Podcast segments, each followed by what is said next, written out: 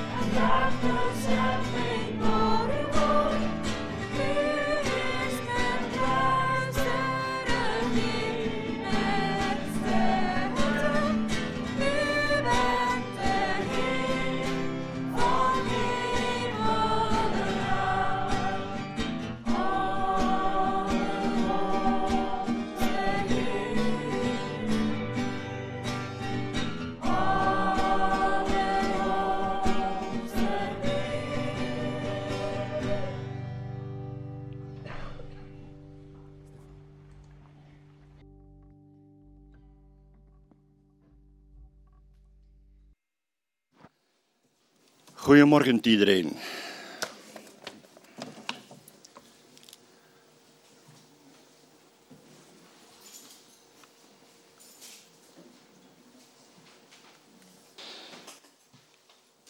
Als u potscherven al hebt gelezen, dan zal er misschien bij u een lichtje zijn gaan branden.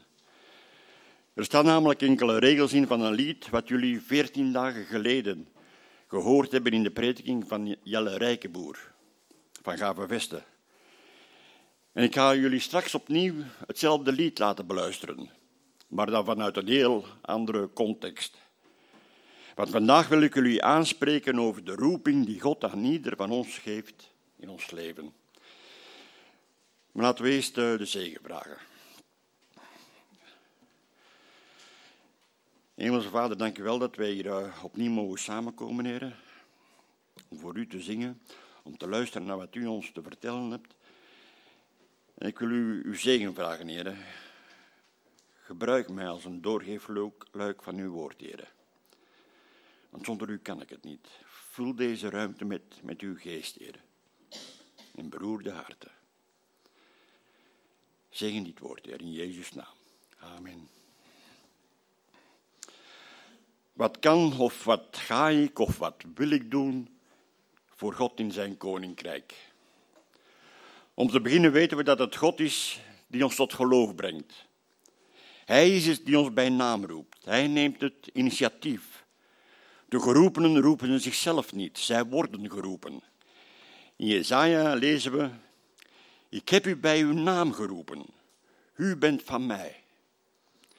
In Johannes lezen we dat de Vader is die ons tot zich trekt, die ons roept.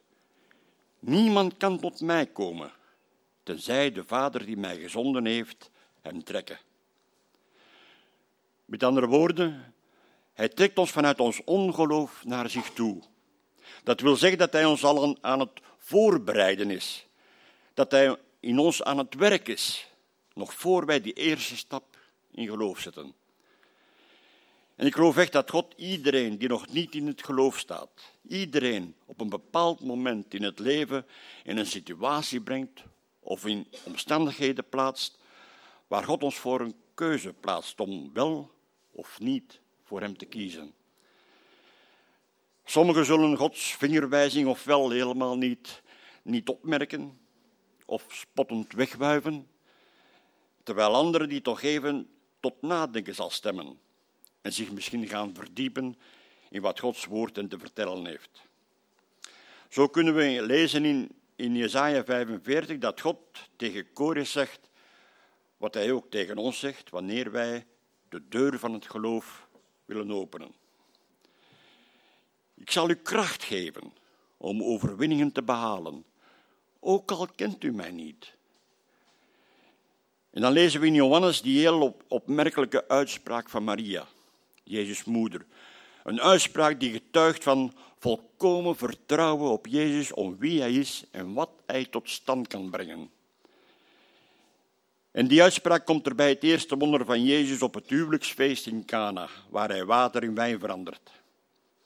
Ze waren zonder wijn gevallen en Maria richt zich tot de bedienden en zegt hun hetzelfde wat ook ik vandaag tegen jullie zeg. Wat hij u ook zegt, doe dat. Dit is zo'n alles, alleszeggende, prachtige uitspraak van Maria. Wat een vertrouwen, maar Maria wist dan ook als geen ander wie Jezus echt was. En door zijn woord weten ook wij wie Jezus is. Hebben wij evenveel vertrouwen in Hem, zoals Maria? Doen wij wat Jezus zegt? Of zijn we eigenlijk vooral bezig met, met wat we zelf willen? Als ik tegen u zou zeggen, wat hij u ook zegt, doe dat. Hoe reageert u dan? Is het een reactie van, ja, eigenlijk weet ik niet wat hij zegt. Ik hoor hem niet. Terwijl onze relatie met hem via gebed zo onmisbaar is in onze zoektocht. Of misschien komt het dan wel omdat u het hem niet vraagt. Of bent u misschien gewoon bang om wat hij gaat zeggen? Oké, over het algemeen zal hij niet spreken zoals ik nu tegen u spreek, maar hij kan wel het verlangen op uw hart leggen. Dus waar laat Gods geest jouw hart het hardst voor kloppen? Als een herder kan hij u drijven in de richting die hij wil. Hij zal genoeg indicaties geven, maar die signalen moeten we dan ook, dan ook wel opvangen en gevolg aan geven. En soms lijkt het ook wel of God zich verstopt, dat hij niets van zich laat horen. Dat we ons voelen alsof, in een, alsof we in een wachtkamer zitten. In Prediker 3 lezen we: Alles heeft zijn uur en ieder ding onder de hemel zijn tijd. Kijk naar Jezus. We lezen, dit, we lezen dat hij al heel goed onderlegd was op twaalfjarige leeftijd. Maar wanneer is zijn bediening begonnen? Toen hij dertig jaar was.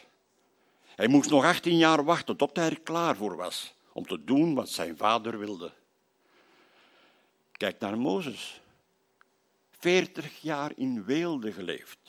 En dan 40 jaar in de woestijn. En pas dan op 80-jarige leeftijd was hij klaar voor zijn bediening, voor zijn roeping. Op mij moest de Heer 50 jaar wachten voor ik mijn eerste stap zette in de bediening. Dit is dus geen boodschap alleen maar voor jongeren, maar voor jong en oud.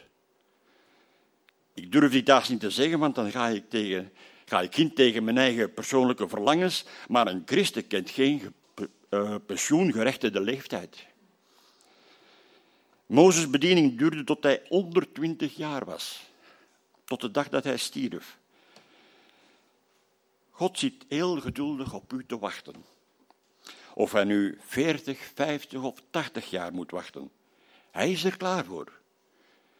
Hij wacht alleen tot u er klaar voor bent en volledig afhankelijk wil maken van hem. Volledig. Onvoorwaardelijk vertrouwen in hem die almachtend en alwetend is. En laat dat nu net zo moeilijk zijn. Want wat, wat kunnen wij soms toch zo hardorig zijn? Of we zijn bang dat hij iets van ons vraagt dat we helemaal niet zien zitten. Hij wacht geduldig tot wij kunnen zeggen: Ach, Heer, het maakt niet uit wat ik moet doen, zolang het maar voor u is. Zolang het maar tot eer en glorie is van uw naam. Als wij onze roeping willen opnemen, is gehoorzaamheid aan zijn woord een onmisbare factor. Dus als je op zoek bent naar de wil van God, dan zal Hij die gaandeweg stap voor stap openbaren terwijl je gehoorzaam bent, terwijl je luistert naar Zijn woord. Gehoorzaamheid is een sleutel naar meer openbaring, naar meer kracht, naar meer gave, naar meer liefde, naar meer nederigheid, naar meer bewogenheid, naar ontferming voor mensen die het nodig hebben. Het laat je hart sneller slaan om bepaalde dingen. Het maakt dat wij diep ontzag krijgen voor God. Die gehoorzaamheid zorgt er ook voor dat wij het verlangen hebben om met een rein hart en een zuiver geweten voor Hem te staan. En we zien dat ook in het visioen dat Jezaja kreeg bij zijn roeping. We lezen daar dat Jezaja in het visioen zich onwaardig achtte. Wee mij, want ik verga. Ik ben immers een man met onreine lippen. Dat is hem, ja. Ik ben immers een man met onreine lippen en woon te midden van een volk met onreine lippen. Mijn ogen hebben namelijk de koning, de Heere van de legermachten gezien. Maar een van de serafs vloog naar, mij toe, vloog naar mij toe en hij had een gloeiende kool in zijn hand, die hij met een tang van het altaar had genomen. Daarmee raakte hij mijn mond aan en zei: Zie, deze heeft uw lippen aangeraakt. Zo is uw misdaad van u geweken en uw zonde verzoend. Daarna hoorde ik de stem van de Heer. Hij zei: Wie zal ik zenden? Wie zal er voor ons gaan? Toen zei ik: Zie, hier ben ik. Zend mij. Ziet u wat hier gebeurt? Die seraf raakte met een gloeiende kool de mond van Jezaja aan en zei, zie deze heeft uw lippen aangeraakt. Zo is uw misdaad van u geweken en uw zonde verzoend. En dat is een voorwaarde als je wil wandelen in je roeping. Al jouw zonden moeten beleden en wit gewassen worden, zodat jou, zodat je jouw roeping onbelemmerd kan opnemen. Verwacht geen antwoord van God. Als je in je leven nog ergens dingen doet die niet door de beugel kunnen. Want dan zal je wat je ook doet geen kracht van de Heilige Geest ontvangen. En ook geen zegeningen. Bij onze bekering hebben wij allemaal, allemaal, zonder uitzondering, de Heilige Geest ontvangen, die in ons komt wonen. En dat moeten we nu maar eens goed laten doordringen. Dat wij bij onze bekering de blijvende aanwezigheid van de volheid van Christus in ons hebben. Door de Heilige Geest. Soms horen we wel eens zeggen, oh ik wil graag meer van de Heilige Geest in mij. Maar we hebben alles. Wat je hebt is wie Hij is. Een betere vraag zou zijn, hoeveel heeft Hij van jou? Samen met de intrede van de trooster ontvangen we ook zijn gaven en vruchten. Ik ga ze niet opsommen, u kent ze wel. En dan lezen we in 1 Corinthians 12, en daar staat, streef dus naar de beste genadegaven. En ik wijs u een weg die dit alles nog overtreft. De beste genadegaven gaan over die gaven die de gemeente extra opbouwen. En welke gaven zouden het kunnen zijn? Dit vers is het laatste vers van hoofdstuk 12. En dan volgt hoofdstuk 13, het hoofdstuk van de liefde. En dat begint met, als zou ik de talen van mensen en van enkelen spreken, maar ik had de liefde niet. Dan zou ik een klinkend koper of een schallende cymbaal zijn geworden. Dit maakt duidelijk wat die weg is die alles overtreft, en dat is de weg van de liefde. Zonder liefde zijn al onze gaven waardeloos. Zijn liefde is de finishing touch van alle gaven. En dan begint voor velen de moeilijke zoektocht naar het vinden van de plek waar God jou wil hebben. Een roeping die voor ieder van ons uniek is. Niet tegenstaande elke roeping hetzelfde doel heeft: getuigen van Christus. Maar uiteraard zit onze tegenstander, tegenstander niet stil. De weg naar onze roeping is vaak bepaald, bezaaid met beproevingen, obstakels, twijfels, verkeerde keuzes maken enzovoort. Die raar maar waar uiteindelijk ook allemaal nodig zijn om je te vormen en te kneden en te poetseren en je te brengen op de plek waar God je wil hebben. Sommigen komen onder het voorwendsel dat ze graag zijn wil, hun roeping willen weten. Terwijl ze eigenlijk alleen maar zijn goedkeuring vragen over de weg die ze al voor zichzelf hebben uitgestippeld. Een weg met zekerheden, van eigen kracht waarin ze zich comfortabel kunnen bewegen. Maar bedieningen, roepingen, verliezen vaak hun invloed op het moment dat ze zich veilig en comfortabel voelen. Natuurlijk kan God onze talenten gebruiken, maar zijn voorkeur gaat uit naar iets wat je alleen maar kan doen door de kracht van de Heilige Geest.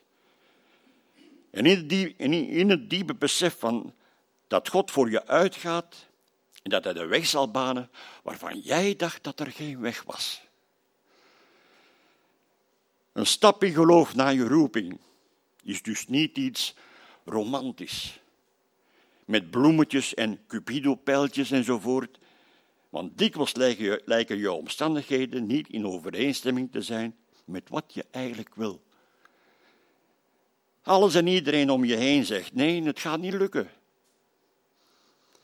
En als je het gevoel hebt om vast te zitten, gefrustreerd bent en niet verder vooruit geraakt, u gelooft me niet, maar dat kan een ideale voedingsbodem zijn, die je nodig hebt om op een gegeven moment in geloof te zeggen: Heer, ik zet mijn voet erop.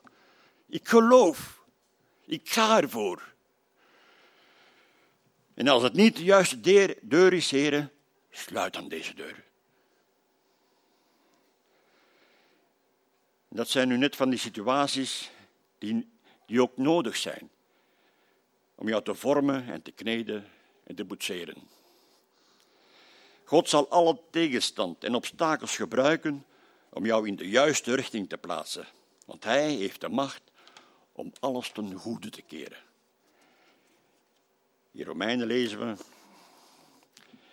En we weten dat God voor hen die God, voor hen die God liefhebben, alle dingen meewerken ten goede. Voor hen namelijk die overeenkomstig zijn voornemen geroepen zijn. En tegelijk zal hij die tegenstand gebruiken om jou zo te volharden in het geloof en je bediening krachtiger te maken. Jacobus, want gij weet dat de beproefdheid van uw geloof volharding uitwerkt. Hebreeën, want gij hebt volharding nodig om de wil van godsdoende te verkrijgen, hetgeen beloofd is. Als er een probleem is,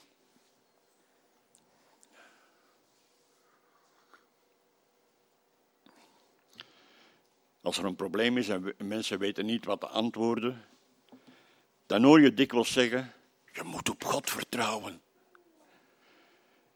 En dat kan soms zo'n dooddoener zijn. Ja, natuurlijk moeten wij op God vertrouwen. Maar die is lang niet even, even gemakkelijk altijd. Zeker niet wanneer een antwoord op ons gebed lang op zich laat wachten. En toch, vertrouwen is cruciaal wanneer je je roeping wil volgen. Vertrouwen geeft hoop en hoop doet leven. Stop met de dingen te analyseren. Stop met het rekenen en berekenen. En zet een stap in geloof. Probeer het tenminste. Ik denk dat velen van ons diep van binnen wel weten wat er te doen staat. Maar we beginnen er niet aan omdat we bang zijn. Het is misschien iets heel nieuws wat je niet gewend bent. En velen houden zich liever vast aan de dingen waarmee je, waarmee je vertrouwd bent. Mensen hebben nu helemaal niet graag ingrijpende veranderingen in hun leven. Maar als je het oude niet kan loslaten of niet wil loslaten, kan je ook het nieuwe niet omarmen. Ook als dat wil zeggen dat we dat al wat we bereikt hebben misschien moeten opgeven.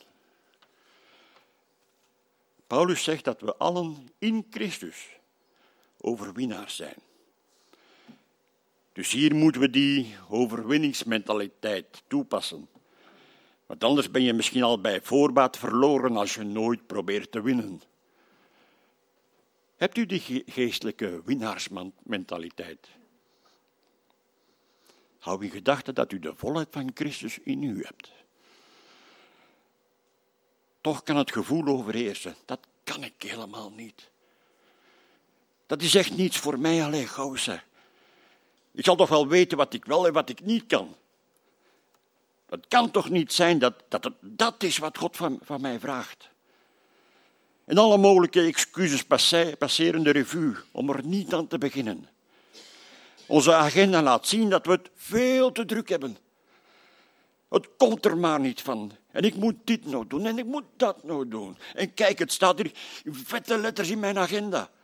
We zijn al mei en ik moet nog gaan nieuwjaren bij onkel Isidore en tante Euphrasie. Ik heb echt geen tijd. Onze excuses zijn meestal verpakt in het mooiste cadeaupapier. We durven er gewoon niet aan te beginnen.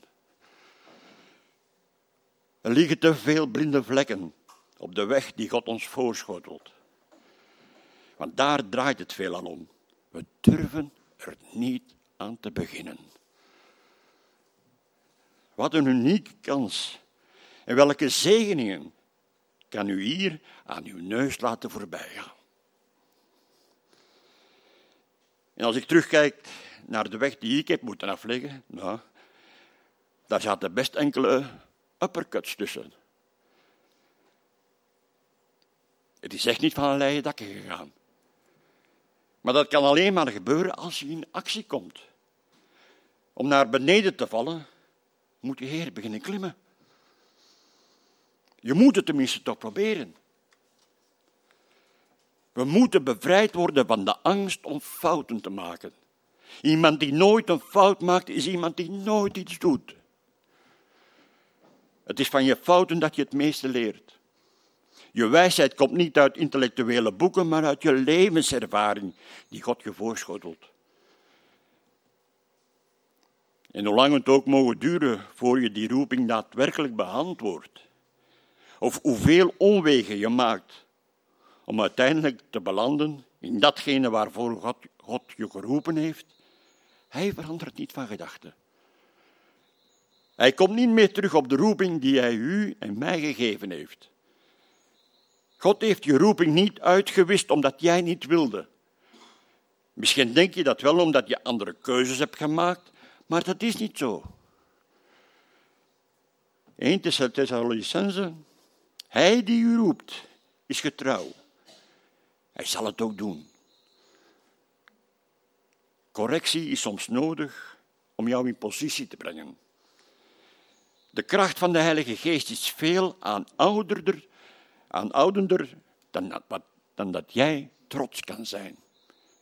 Veel geduldiger dan dat jij opstandig kan zijn.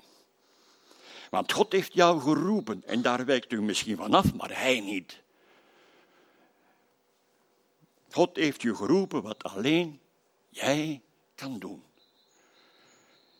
En wat jij kan doen ligt soms heel dicht bij je talenten of bij je passie. Maar zeker niet altijd. En nu ga ik in je leven, en nu ga ik kort door de bocht. In je leven heb je twee terreinen. Enerzijds heb je het terrein waar al je zekerheden uit de toon gespreid liggen. Je talenten, je capaciteiten, al je pluspunten. Terwijl het andere terrein een, een braakliggend terrein is, waar al je zwakheden in begraven liggen. En je wil het liefst zo houden. Je wil dat je zwakheden nooit uit die persoonlijke vergeetput geraken. In welk terrein denk je nu dat God het liefst aan het werk gaat? En ik denk dat je het allemaal wel, wel weet. Het geliefkozen terrein waar God ons, in ons aan het werk wil gaan, is het terrein van onze zwakheid. Omdat hij dat braakliggend, braakliggend terrein naar hartelust kan omploegen. Waarbij je zwakheden naar boven komen die hij gebruikt als zaad om vrucht te dragen. 1 Corinthiërs. Het wordt gezaaid in zwakheid het wordt opgewekt in kracht. Misschien moet je gewoon losgeschud worden van de zekerheden waar je aan vasthangt. U weet allemaal wat een olijfboom is. Weet u ook hoe ze olijven hoogsten?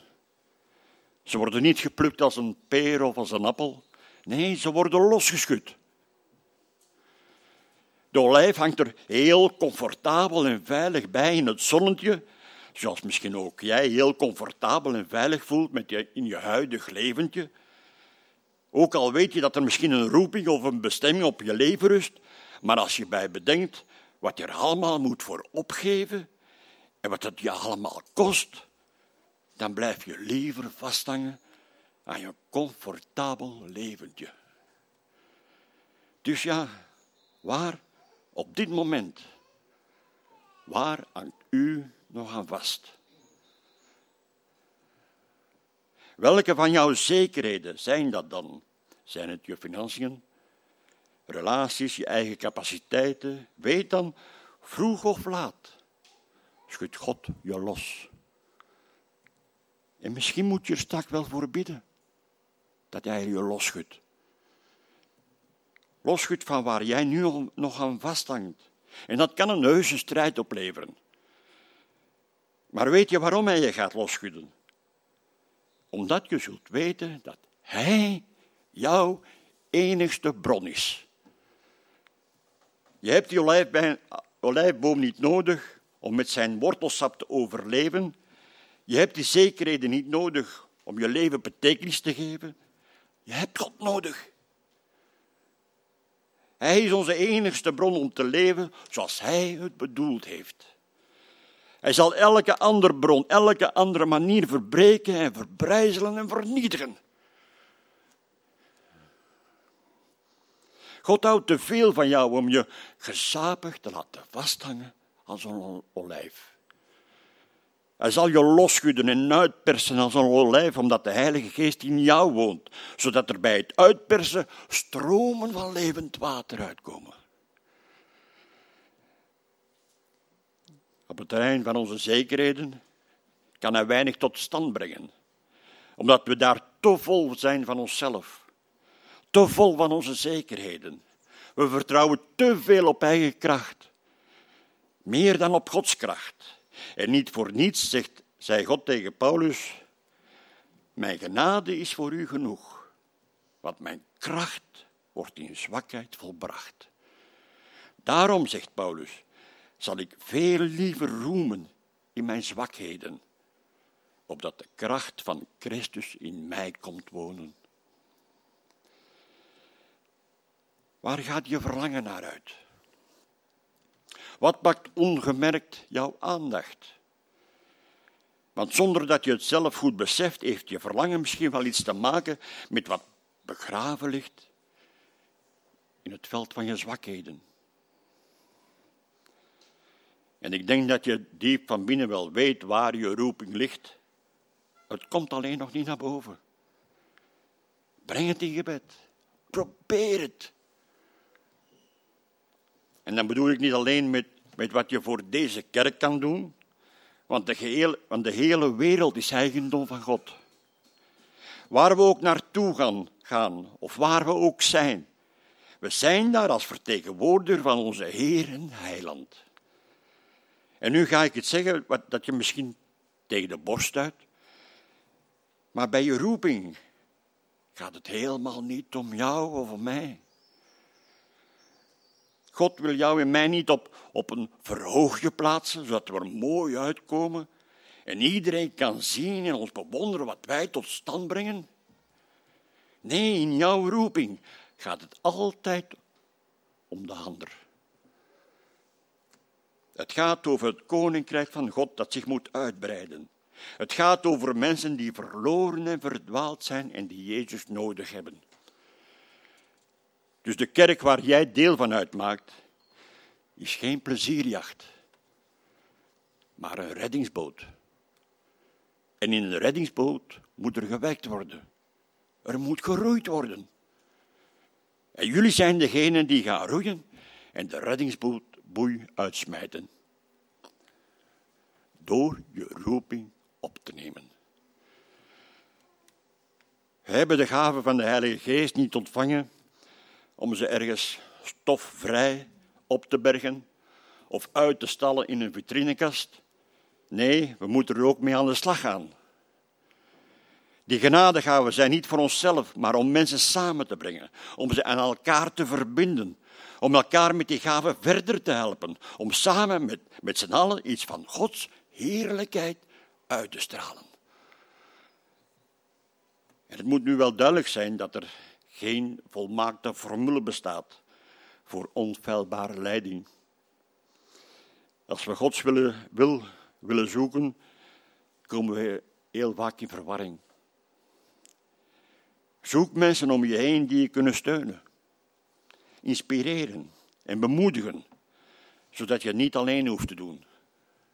Het advies van godvruchtige mensen zal ons in staat stellen bepaalde aspecten vanuit een ander oogpunt te bekijken Misschien wat we, wat we tot, dan toe, tot dan toe nog niet in overweging hadden genomen. De schrift leert ons dat mensen elkaar tot steun kunnen zijn in het ontdekken van hun roeping. In Spreuken 19 lezen we: Luister naar raad en neem vermaning aan, opdat gij tenslotte wijs wordt. Als je raad vraagt, Vraag dat dan niet aan iedereen, aan iedereen die je tegenkomt. Want het kan best zijn dat, je, dat ze allen iets verschillend zeggen.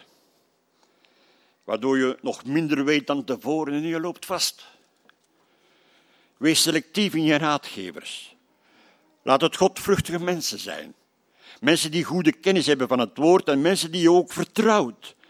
En die zeggen wat ze denken. En indien nodig ook durven we vermanen. Bespaar je van raadgevers die alleen maar vertellen wat je graag wil horen. Hoe graag God ook wil dat we raad vragen aan medegelovigen, hij verwacht niet dat we slaafs hun advies opvolgen. Ook al zijn het godvruchtige mensen. Het gaat tenslotte louter nog om advies. De uiteindelijke beslissing ligt alleen bij jezelf en ingefluisterd door de geest. De vraag die we ons als eerste moeten voorbehouden is: is deze beslissing, deze keuze in overeenstemming met Gods woord? Zijn wil en zijn woord stemmen altijd overeen. Voor welke hindernis u ook staat, God is met ons. We lezen in Jezaja: Ikzelf zal voor u uitgaan en de onheffenheden efferen. Koperen deuren zal ik verbreken en ijzeren grendels verbrijzelen. En ik zal u geven de schatten der duisternis en de rijkdommen der verborgen plaatsen, opdat gij weet dat ik de Heere het ben, die u bij uw naam riep. God is met ons. Onze problemen met zijn leiding zouden snel opgelost zijn als we ons maar eens zonder onze eigen voorwaarden zouden richten tot God en zeggen: Heere, ik ben bereid alles te aanvaarden. Als u mij maar verzekert dat het uw wil is. Daarom, waar laat Gods geest uw hart het hardst voor kloppen? En ik wil afronden met twee kronieken. Want de Heren ogen gaan over de gehele haarde, om krachtig bij te staan, hen wier hart volkomen naar hem uitgaat. Amen. Jonah.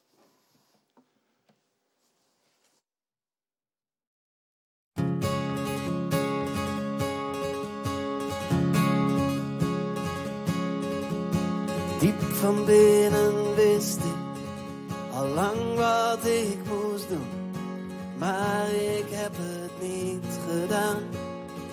Ik heb het niet gedaan.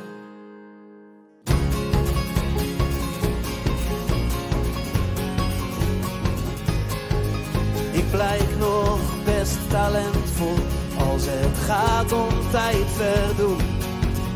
Maar nu kom ik eraan, nu kom ik eraan. Want ik heb alle voor's en tegens afgewogen. Ik heb honderd mensen om advies gevraagd. Tot ik besefte, je bent echt goed vastgelopen.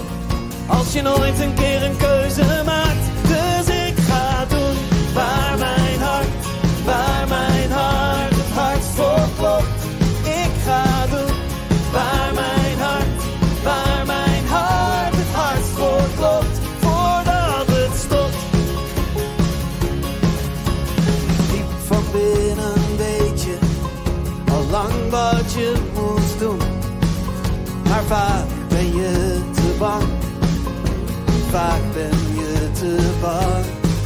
En angst kent veel gezichten. Het wordt ook vaak anders genoemd. Zoals het komt er maar niet van. Het komt er maar niet van. En er zijn redenen genoeg om niet te kiezen. Er is altijd iemand die iets anders zegt. Echt, je kunt rondjes blijven lopen tot je uitvaart. Maar in de regel kom je daar toch wel terecht.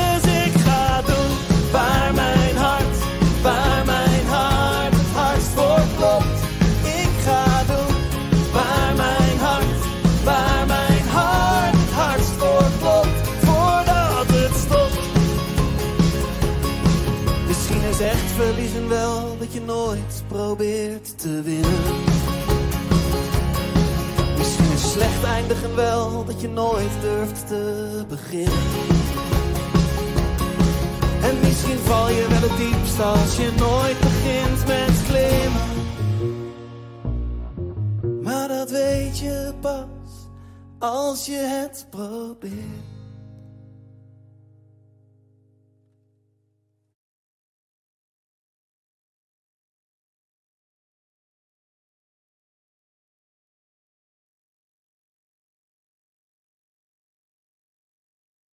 Dus ik ga doen waar mijn hart, waar mijn hart het hardst voor klopt. Ik ga doen waar mijn hart,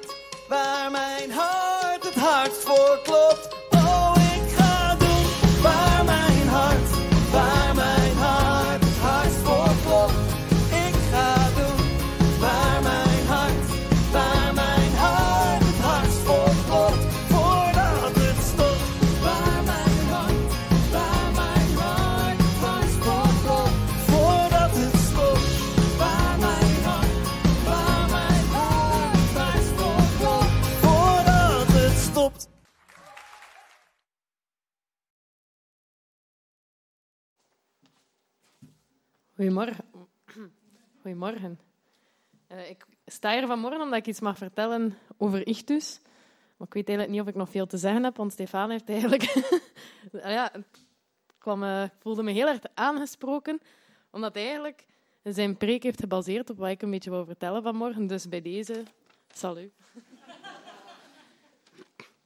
Nee, het is... eh, ja, ik sta er echt van versteld hoe wat Stefan gezegd heeft, zo aansluit bij wat ik eigenlijk wil vertellen. Ik denk dat dat geen toeval is. Ik denk echt dat Gods geest dat geleid heeft. Dus ja, zie het een beetje als een praktijkvoorbeeld eh, ter navolging van Stefan zijn preek. Zoals velen van jullie weten, werk ik voor Ichtus Vlaanderen. En zoals sommigen van jullie al weten, stop ik daarmee. Ehm, ik, ik heb nog zes weken te gaan en dan werk ik niet meer voor Ichtus Vlaanderen en eh, zet ik een stap in het onbekende. En ik wou daar eigenlijk een beetje over vertellen. Ik heb vijf jaar voor Ichtus Vlaanderen gewerkt. Deze kerk heeft dat werk gesteund. Ik vind dan ook fijn dat ik hier ja, ook een soort afscheidsrede of zo kan voeren. Voor zij die niet weten wat Ichtus Vlaanderen is, Ichtus Vlaanderen is een christelijke studentenorganisatie die als doel heeft het evangelie brengen onder de studenten in Vlaanderen en Brussel.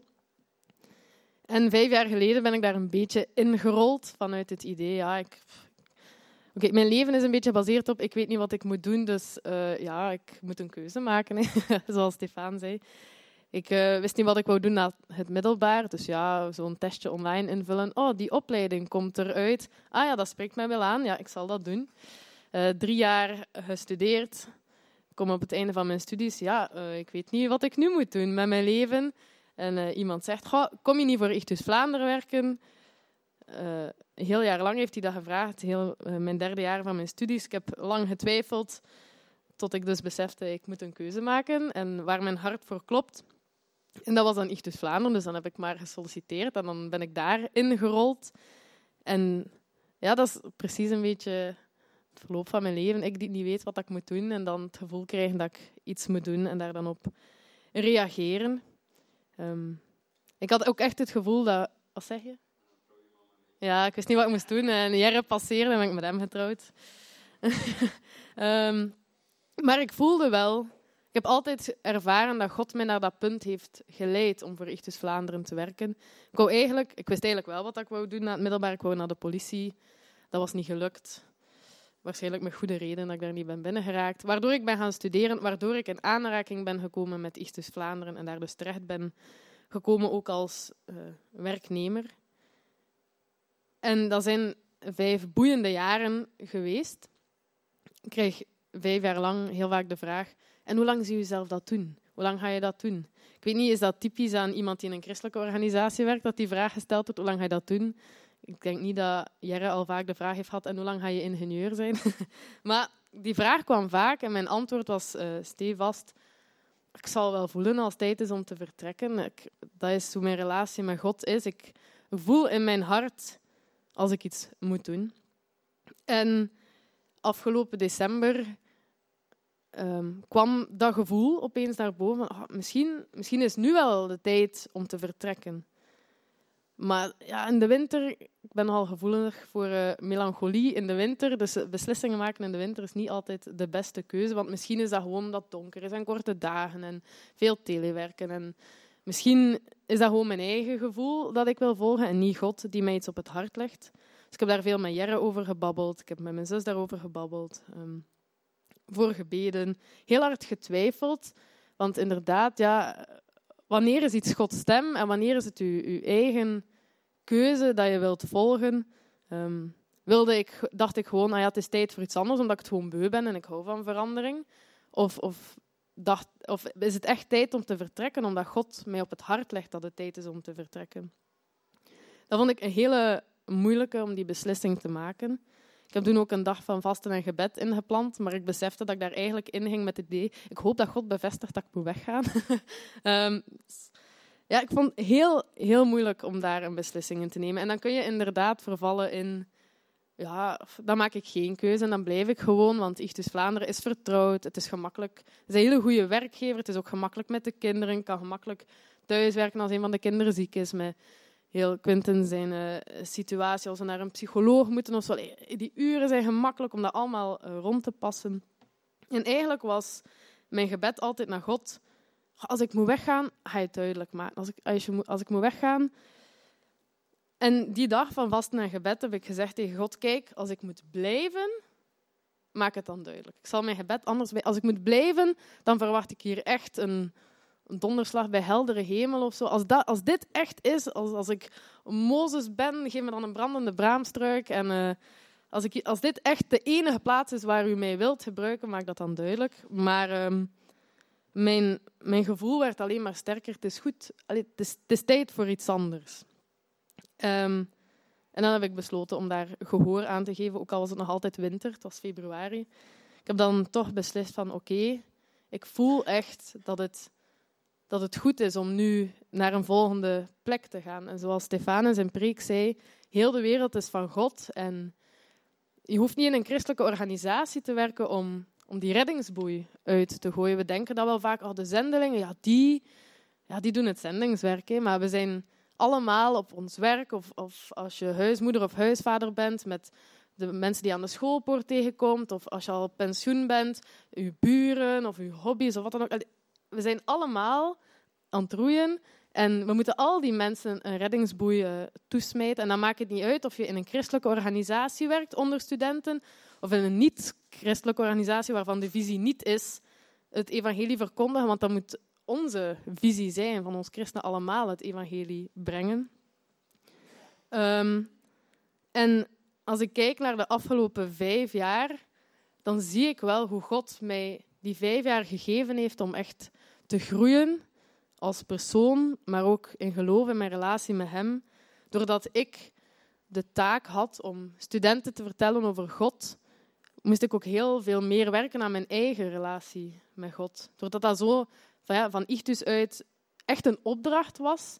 Anders, ja, als je in een niet-christelijke organisatie werkt, dan je dat misschien gemakkelijk achterwege laten. Maar dit was ja, een van mijn uh, taakomschrijvingen. Dus ik heb heel veel tijd met God doorgebracht binnen mijn werkcontext. Ik heb heel veel training mogen ontvangen, eh, zowel voor persoonlijke groei als geestelijke groei.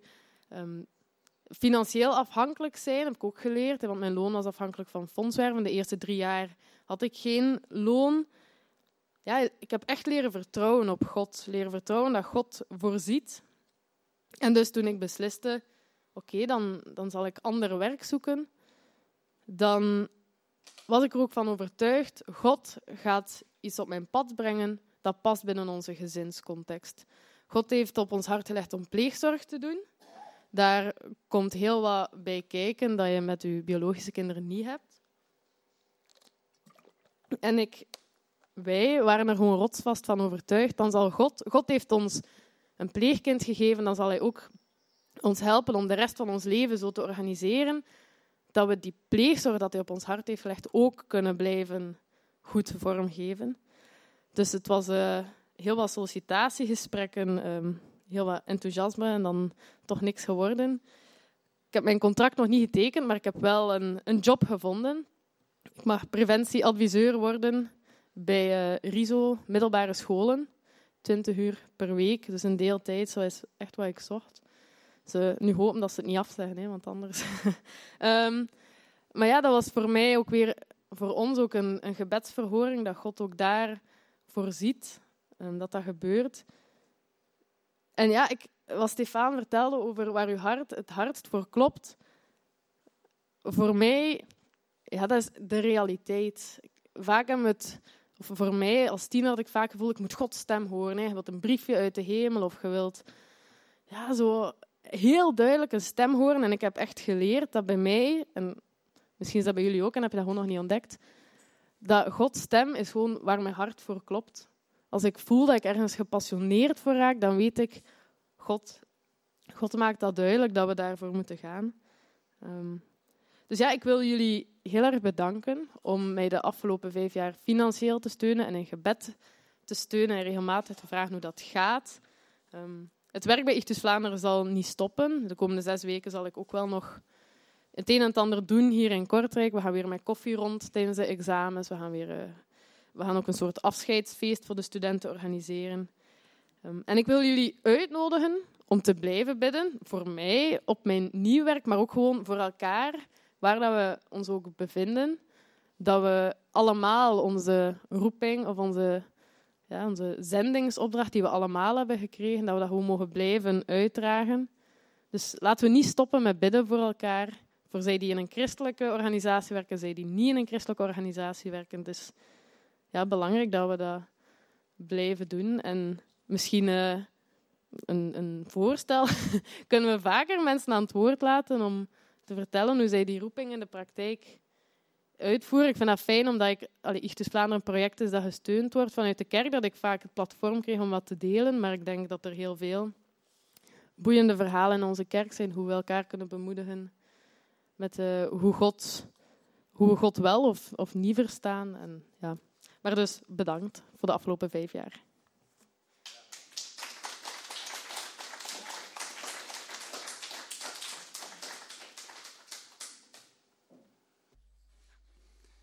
Goed. Uh, we zijn aan het einde van de dienst gekomen. Er zijn nog enkele mededelingen. Dinsdag over de middag is het bedstonden. Um, Rut heeft ook nog een mededeling. Op 18 juni gaan we een wandeling doen. Voor zij die nog geen flyer hebben, er liggen er normaal gezien nog van achter daar op die kast. Dus we gaan wandelen in de Gavers. Er zijn al een aantal mensen naar mij gekomen die zeggen: Ja, ik, ik zou graag meegaan, maar ik weet niet of ik die afstand kan doen. Het is vier kilometer. Stel dat je graag mee wilt, maar niet de afstand kan doen. Je kunt een stukje meewandelen, dan omkeren na een kilometer of zo. Of je kunt een uurtje later komen en in de cafetaria wachten op ons um, om daarna nog iets samen te drinken of de kinderen te zien spelen op de speeltuin. Dus laat een fysieke beperking of examens voor onze middelbare scholieren en onze studenten u niet tegenhouden om te komen. Um, we kunnen altijd een manier zoeken dat je toch een deel kan bij zijn, want het zou fijn zijn als we gewoon samen hopelijk van het goede weer kunnen genieten. Ja. Um, er is een fout, een fout op de mededelingen. De bedstond dinsdag is nu volgende week en niet op 24 mei. Dus nu de week die komt, dinsdag om twee uur bedstond in de kerk. Dank u. Ah ja. De 17e, met andere woorden, en niet de 24e. Esther? Hallo, hallo. Um, komende donderdagavond is er een netwerkevent in de Russische kerk. Dat is een evenement waarbij dat alle verschillende kerken van regio Kortrijk uh, op aansluiten. En de bedoeling is eigenlijk vooral om een stukje elkaar te ontmoeten. Te we mogen genieten van de gastvrijheid van de Russische kerk. Um, en dat we, er zullen daar ideeën uh, besproken worden. Um, het wordt daar eigenlijk gewoon uh, vragen en ideeën beantwoord over hoe kunnen we elkaar helpen. Om echt een stukje, ja, ook samen met de andere gemeentes van regio Kortrijk iets te kunnen betekenen voor de Russische kerk en de vluchtelingen daar. Als er mensen zijn die geïnteresseerd zijn om mee te gaan, laat mij dat zeker weten voor dinsdag. Dan kan er genoeg uh, lekkers voorzien worden. Uh, en uh, uh, als er vragen zijn of thema's of, of, ideeën die misschien kunnen uitgewerkt worden voor de Russische kerk, dan weet ik dat ook graag, want dan kan dat als thema mee opgenomen worden in het programma. Um, dus bij deze. Begin om acht uur en het gaat door in de Russische kerk.